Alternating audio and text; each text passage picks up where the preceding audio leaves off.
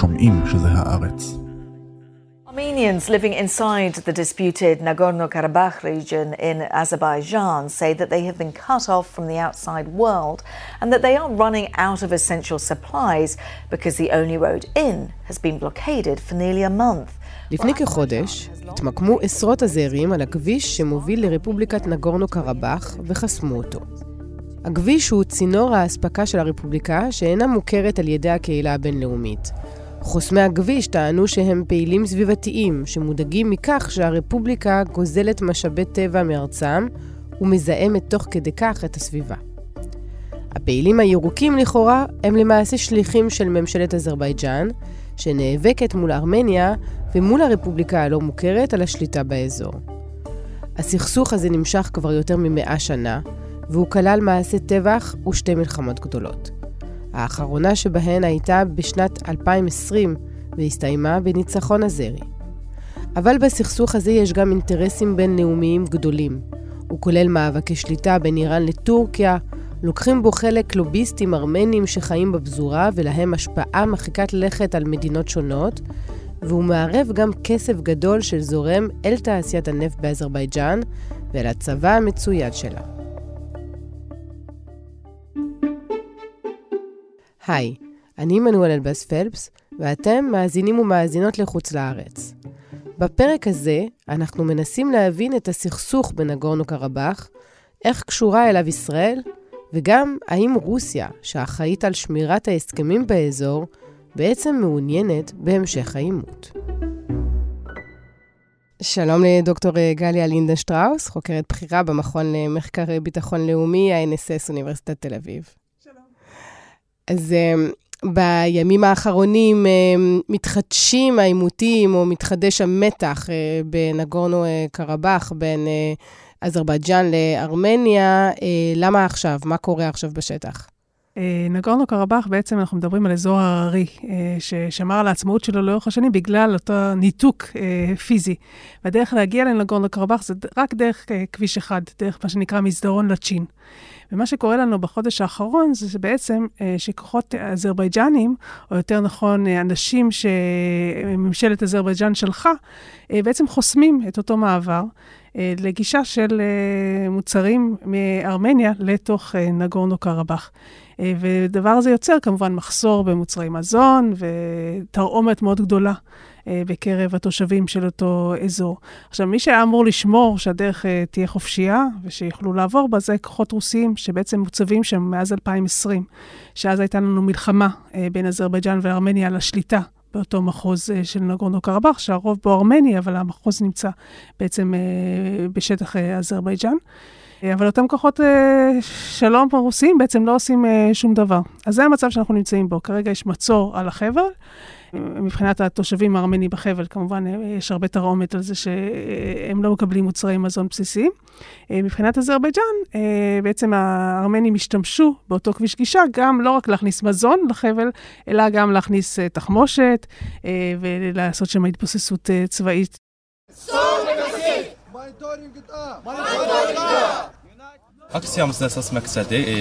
The main goal of our protest is to prevent illegal mining.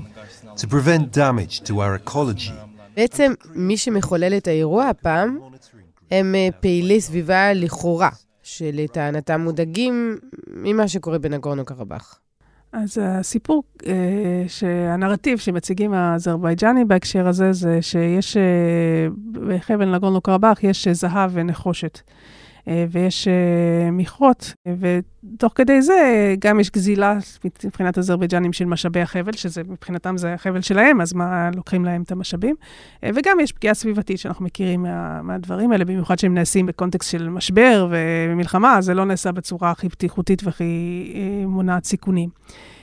ובאמת, מה שהתחיל לנו לפני חודש, זה היה שבאמת הגיעו מפגינים, מפגינים שטענו שהם אקו-אקטיביסטים ושהם נגד אותם מכרות אה, נחושת וקריאת אה, זהב.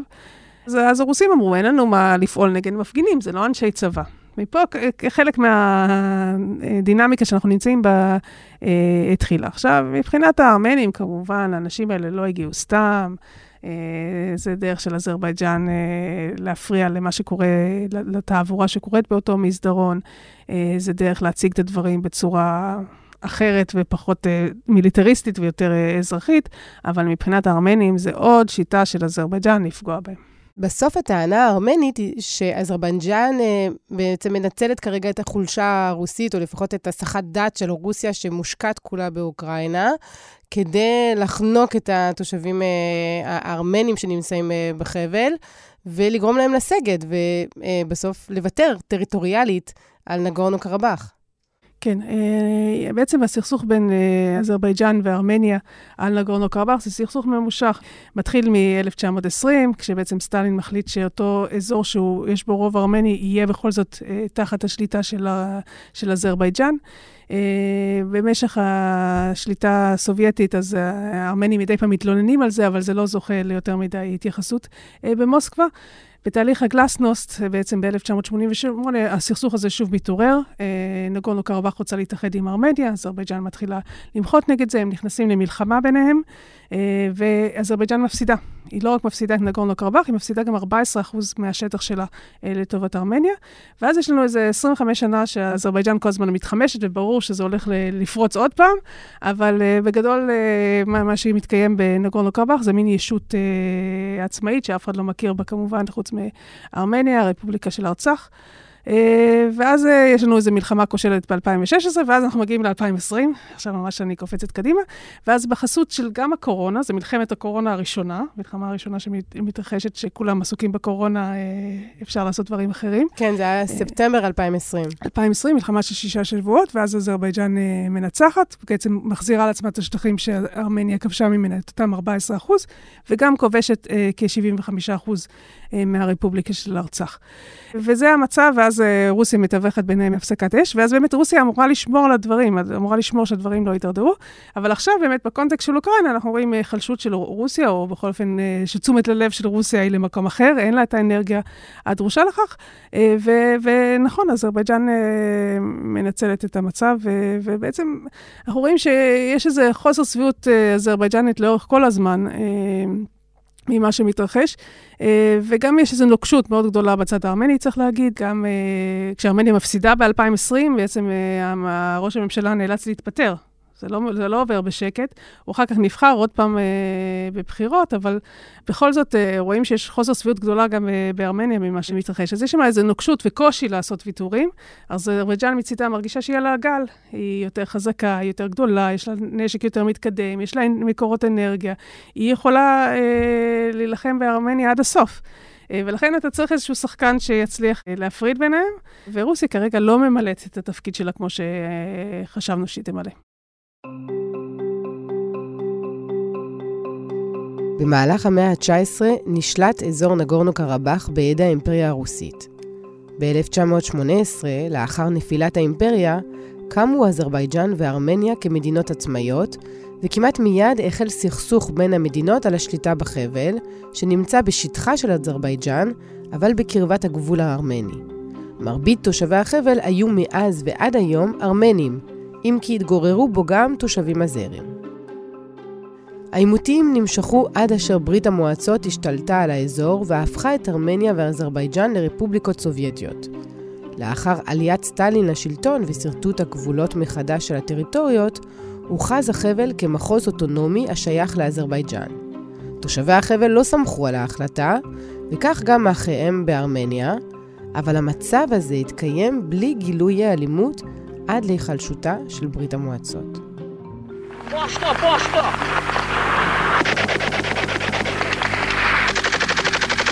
המלחמה שפרצה בנגורנו קרבאח בעקבות התפוררות ונפילת ברית המועצות הייתה עקובה מדם. עשרות אלפי בני אדם נהרגו כשהכוחות האזרים נסוגים מהחבל, וארמניה כובשת שטחים נוספים מסביב.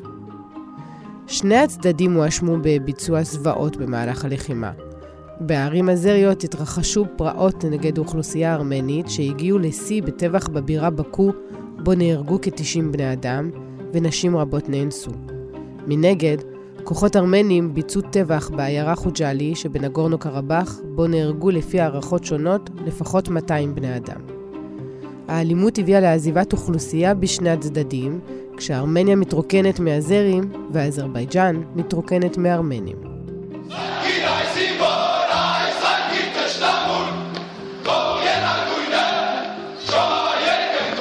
בתחילת המלחמה הכריזו תושבי נגורנו קרבאח על הקמת רפובליקה עצמאית, רפובליקת ארצח, שלא זכתה להכרה של אף מדינה זולת ארמניה.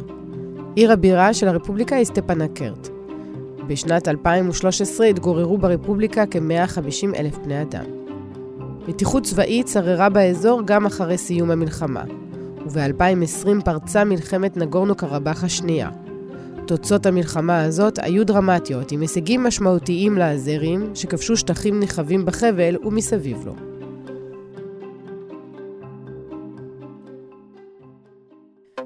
היי, אני נטע אחיטוב, ואני רוצה לספר לכם על פודקאסט חדש, מדעי הארץ. פודקאסט המדע של עיתון הארץ והאוניברסיטה העברית בירושלים. בפודקאסט הזה אנחנו עונים על השאלות שמאחורי השאלות. איך המציאו המצאות פורצות דרך, ומה הופך אותן לכל כך חשובות. בכל פרק נגלוש על גלי המאורעות, המחשבות והתקופה, וננסה להבין את הסיפור מאחורי ההמצאות והתגליות הגדולות בהיסטוריה. במושגים של היום הוא uh, משהו בין מגלומן שמכופף את הכללים למישהו עם אתיקה מאוד מפוקפקת. איינשטיין כבר היה סלב אז, לכל מקום שהוא הלך, הלכו איתו הרבה אנשים. כל האישיות של בני אדם, טוב ולרע, נמצאת במדע. אז חפשו מדעי הארץ בכל מקום שבו אתם מאזינים לפודקאסטים. אז מה יש בנגורנו קרבאח שכל כך חשוב לשני הצדדים? יש פה יותר חשיבות תרבותית לשני העמים, גם לארמנים וגם לאזרבייג'נים, יש שם מקומות דת מאוד חשובים. אה, מבחינת הארמנים, באמת, זה, זה חלק מערש שלהם, ערש ה...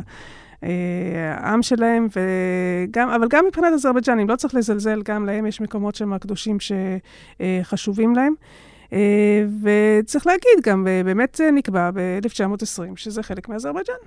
אמנם אה, נקבע לזה מעמד אוטונומי מסוים, אבל uh, מבחינת אזרבייג'אן, אתה לא מתעסק בגבולות uh, הסובייטיים. כי אם כולם יתחילו להגיד, זה שלך, זה שלי, זה של... לא, איך תצא מזה? יש גם באזרבייג'אן עוד מיעוטים, זה לא רק הארמנים, אמנם הארמנים זה מיעוט משמעותי. וגם צריך להגיד, במלחמת, במלחמה בשנות ה-90, היה מעשים איומים בשני הצדדים. זה לא פה שהארמנים היו הטובים והזרים היו רעים, ממש לא. היה פה טיהור אתני הדדי, מיליון אנשים הפכו לעקורים. אה, רובם, דרך אגב, אזרבייג'נים שגורשו אה, מארמניה ומנגורנו קרבאח. אה, ולכן הסיפור הוא, הוא סיפור בהחלט שעם, עם פנים לכאן ולכאן. ומבחינת אזרבייג'נים אין שום סיבה בעצם שאותו חבל יילקח, יילקח מהם. יש עוד סיפור, עוד מורכבות נוספת, שזה בעצם שגם לאזרבייג'ן יש איזו מובלעת שנמצאת בתוך ארמניה, שנקראת נחצ'יוון. גם שם יש חלק שבעצם מנותק פיזית מהשטח של אזרבייג'אן.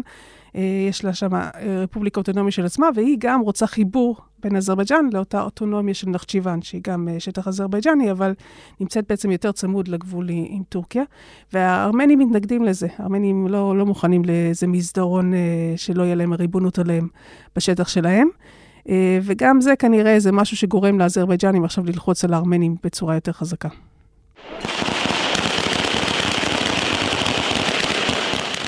The region of Nagorno Karabakh is now virtually empty, with deserted buildings, roads, and homes. The Armenians are gone. המלחמה הראשונה באזור הסתיימה בניצחון ארמני מוחץ, והמלחמה השנייה, אחרי 25 שנה, הסתיימה בניצחון אזרי. הסיבה לזה היא שבשנים הללו אזרבייג'אן הפכה למדינה חזקה, עם משאבים שמכניסים לה המון כסף, וגם נותנים לה השפעה מן הסתם, ושעיר הבירה שלה אה, הופכת לסוג של אה, הבינלאומי. אזרבייג'אן אה, היא עשירה באנרגיה. אנרגיה זה נפט או גם גז? גם נפט וגם גז. אה, ועיקר הייצוא האזרבייג'אני, צריך להגיד, הוא, הוא אנרגיה. זאת אומרת, היא לא הצליחה לגוון את הייצוא שלה, אבל היא כן אה, מצליחה להשתמש ברווחי הייצוא, הייצוא האנרגטי שלה אה, כדי לבנות את עצמה. אה, כדי לבנות את התדמית שלה. תלכו לבקו, אז יש שם ארכיטקטורה כזו פוסט-מודרנית משוגעת. מין אה, דובאי של הקווקז קוראים לה, הרבה פעמים. אם היא הייתה באמת הולכת לכיוון אה, יותר מתפתח, אז היא הייתה מצליחה יותר לגוון את הכלכלה שלה, ולא רק להסתמך על אנרגיה. אבל אנרגיה כן יש לה בשפע. וזה לא רק הופך אותה לעשירה, אלא גם אה, משפיע על החופש שלה לעשות מה שהיא רוצה. בעצם אנחנו עכשיו, אנחנו יודעים, אנחנו במשבר אנרגיה, והאירופאים מנסים להפחית את התלות שלהם אה, באנרגיה מרוסיה, ואחד המקורות האלטרנטיביים זה אנרגיה ממרכז אסיה ומהקווקז. אה, ולכן אנחנו רואים אה, בעצם עלייה ביבוא אנרגיה מאזרבייג'אן לאירופה. שזה גם מגביר כמובן את התלות של האירופאים באזרבייג'אן, פחות מאפשר להם מנופי לחץ על אזרבייג'אן. כן, החשיבות של מרכז אסיה והקווקז מבחינה אנרגטית גוברת. גם, צריך להגיד, כמסדרון תחבורתי שעוקף את רוסיה. אנחנו מדברים על מה שנקרא מידל קורידור, מסין ועד אירופה, אם אתה מסתכל על המפה, אם אתה רוצה אה, לא ללכת דרך רוסיה ולא ללכת בנתיבים ימיים, אז אחת הדרכים ללכת זה ללכת דרך מרכז אסיה והקווקז, וגם על זה אזרבייג'אן עובדת ודוחפת את הרעיון הזה שיהיה יותר ויותר סחורות שיגיעו מסין לאירופה, דר, דר, דרכם ודרך המדינות השכנות להם. מהצד השני, ארמניה היא מדינה שנמצאת במצב אה, הרבה פחות טוב. אה, מבחינת הארמנים, הנושא של הנגורנו קרבאח הוא נושא חשוב. הוא נושא של חלק מהזהות, הוא נושא שהיה כרוך בהרבה ויתורים, ו... ובעצם גם מצור כלכלי לאורך השנים של אה, טורקיה ואזרבייג'אן על ארמניה פרופר. בעצם אין מעבר בין הגבול בין ארמניה ואזרבייג'אן והגבול בין ארמניה וטורקיה, אה, בין היתר בגלל הסכסוך אה, בין אגורנו קרבאח. כך שהם כבר שילמו, הם שילמו כמובן בהרוגים בסכסוך בשנות ה-90, אנחנו מדברים על 30 אלף הרוגים בשני הצדדים, בסכסוך ב-2020 אנחנו מדברים על 6,000 הרוגים בשני הצדדים, כמובן גם יש פצועים. הרבה הרבה כאב היה בסכסוך הזה. Uh, ב-2020, במסגרת מה שנראה היה ככניעה של ראש ממשלת uh, ארמניה, uh, והוויתורים שהוא עשה בהפסקת האש שטווחה על ידי הרוסים, אז הוא נקרא להתפטר. הוא טען שזו הפיכה צבאית נגדו, אבל בכל אופן היה לזה, זה, מצד שני הוא נבחר עוד פעם. Uh, כלומר, uh, יש גם איזה פרגמטיזם בצד הארמני. יש גם הבנה שאזרבייג'אן היא הצד החזק. אה, שהמחיר אולי הוא מחיר קשה מדי. אה, ארמניה מדינה קטנה, אוכלוסייה של כמה מיליונים, לא משהו מאוד משמעותי אה, מבחינה כלכלית במצב קשה. זה בעצם, כשאנחנו מדברים על הארמנים, אנחנו בעצם מדברים על פזורה, הפזורה הארמנית שיש לה מדינה. זאת אומרת, הפזורה היא החלק היותר חזק, והמדינה היא די חלשה.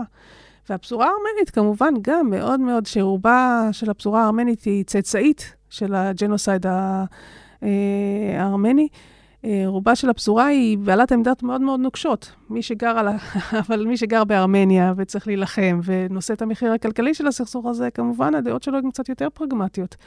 אה, אז אני לא, לא בטוחה שהם מוכנים להילחם עד הסוף. אני חושבת שזה כאב גדול אה, מבחינת הארמנים, אבל אם אתה קצת מקשיב לראש הממשלה, הארמני, אתה רואה שהעמדות הן אה, לא חד משמעיות. אה, יש פה איזושהי נכונות לפשרות. הבעיה היא שיש הרבה מאוד קיצוניים בתוך ארמניה ובפזורה הארמנית שיפריעו לו לעשות את אותן פשרות. Karabakh is Azerbaijan. Karabakh is now reunited with its motherland, putting an end to 30 years of waiting. אז דיברנו על שחקנית בינלאומית גדולה אחת, רוסיה, אבל יש בסכסוך הזה עוד שחקנים בינלאומיים, טורקיה למשל. טורקיה לחלוטין בצד של אזרבייג'אן.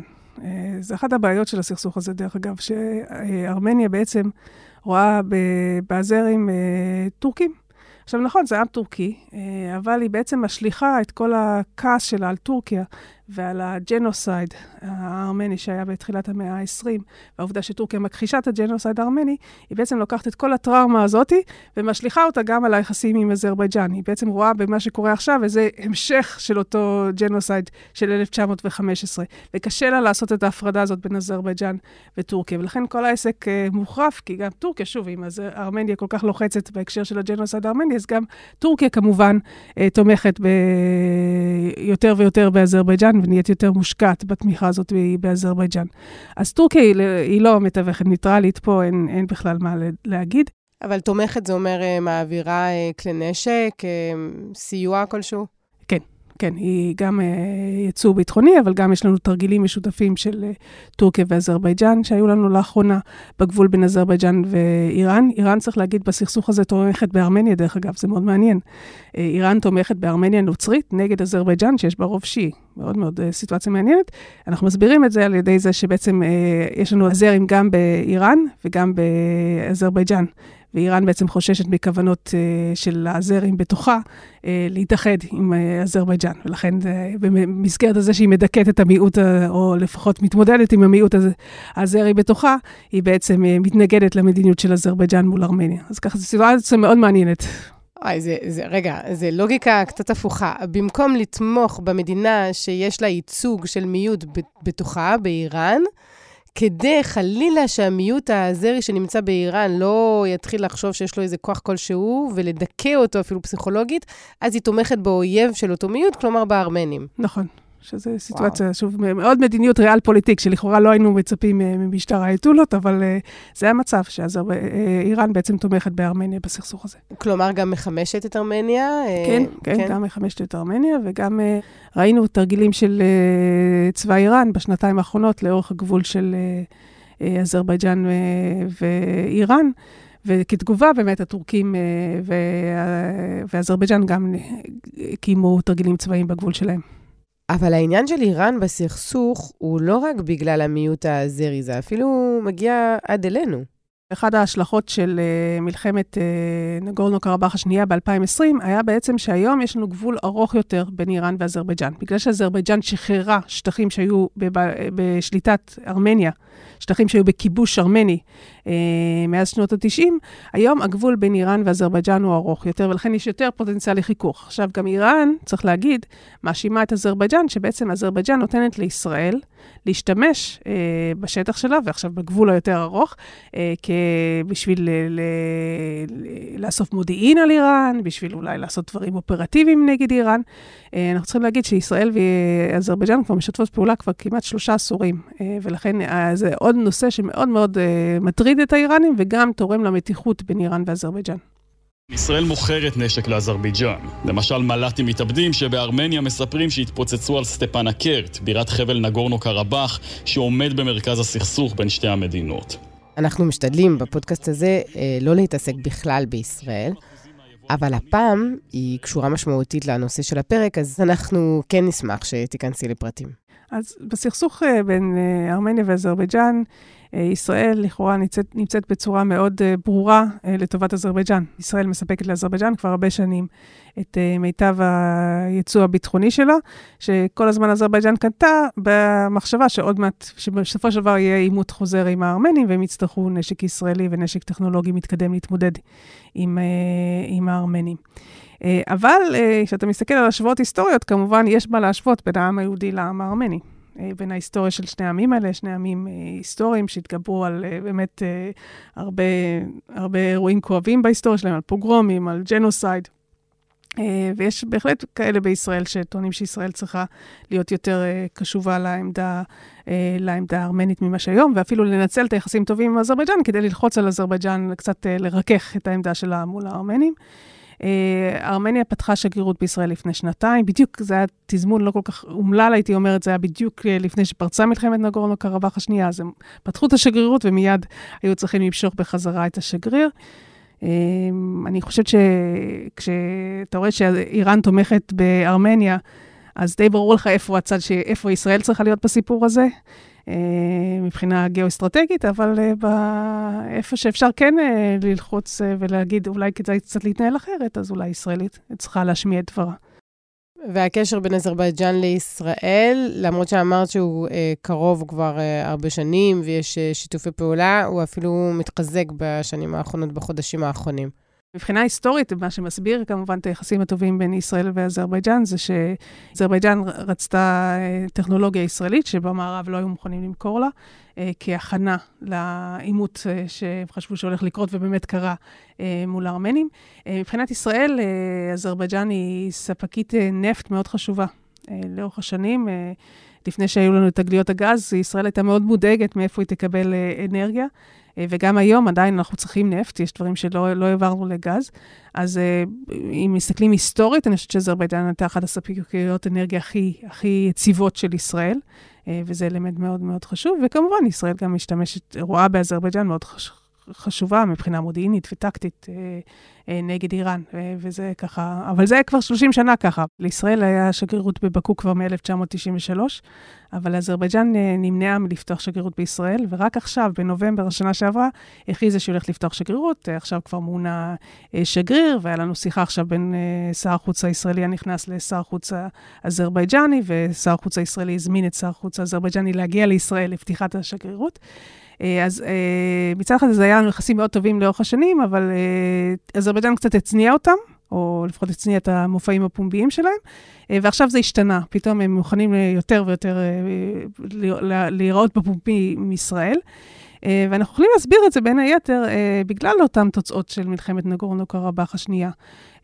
ב-25 שנה ש, שבעצם הסכסוך הזה היה קפוא, אז uh, אזרבייג'אן הייתה צריכה את תמיכת העולם המוסלמי בזירות uh, מדיניות. חשבה שאם היא תעשה משהו, תתקרב יותר מדי לישראל, זה יכול לעורר אנטגוניזם uh, בעולם המוסלמי, ו- ולא יתמכו בעמדות שלה לגבי נגורנו קרבאח. אבל עכשיו שהיא השיגה את מה שהיא רצתה באמצעים צבאיים, היא כבר פחות צריכה את הזירה המדינית, ולכן פחות uh, מהססת להיות פומבית ביחסים שלה עם ישראל.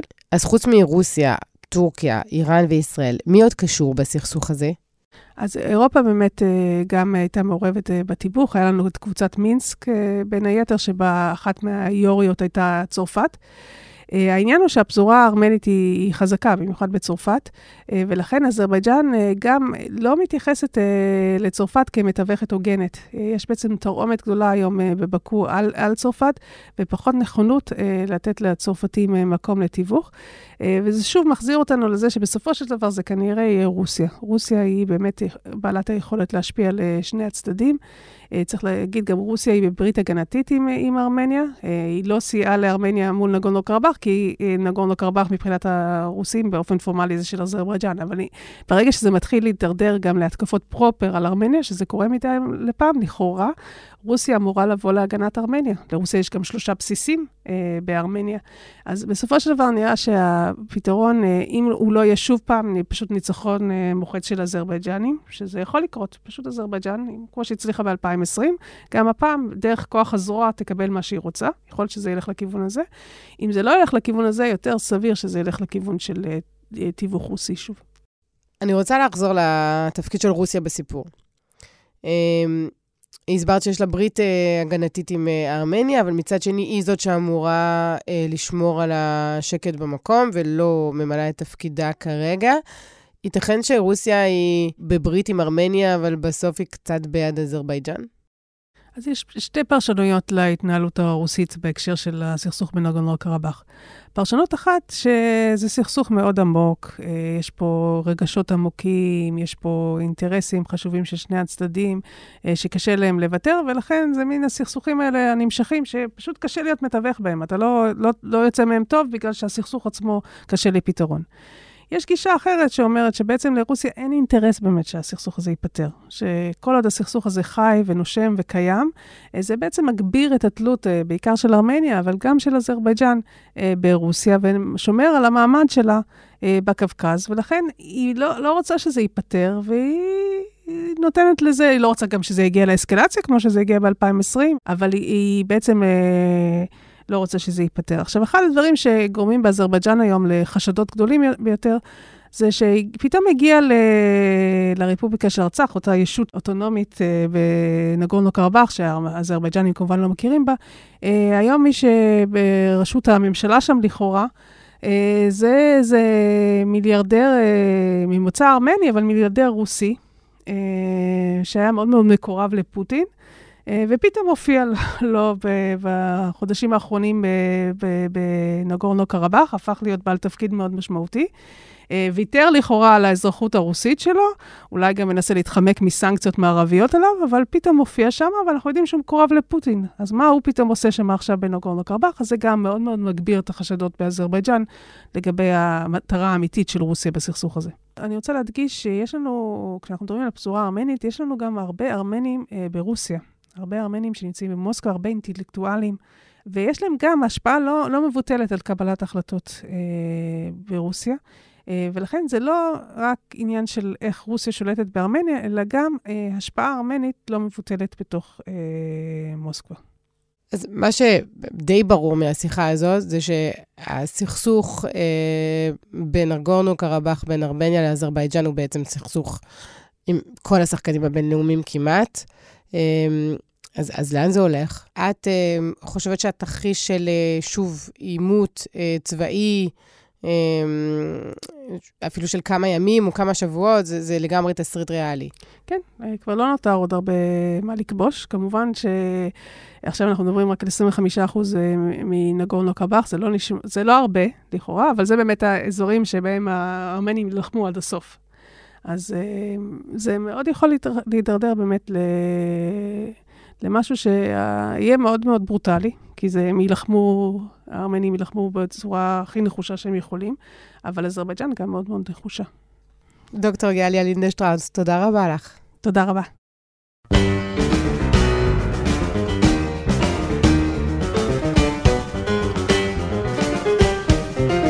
עד כאן הפרק הזה של חוץ לארץ. תודה רבה על ההאזנה. אנחנו נמצאים כל הזמן באתר ובאפליקציית עיתון הארץ ובכל אחת מהפלטפורמות שבהן אתם אוהבים לשמוע פודקאסטים. תודה רבה לאסף פרידמן, לאמיר פקטור, לאברי רוזנצבי, לשני אבירם ולרועי סמיוני. אני עמנואל אלבאס פלפס, נשתמע גם בשבוע הבא.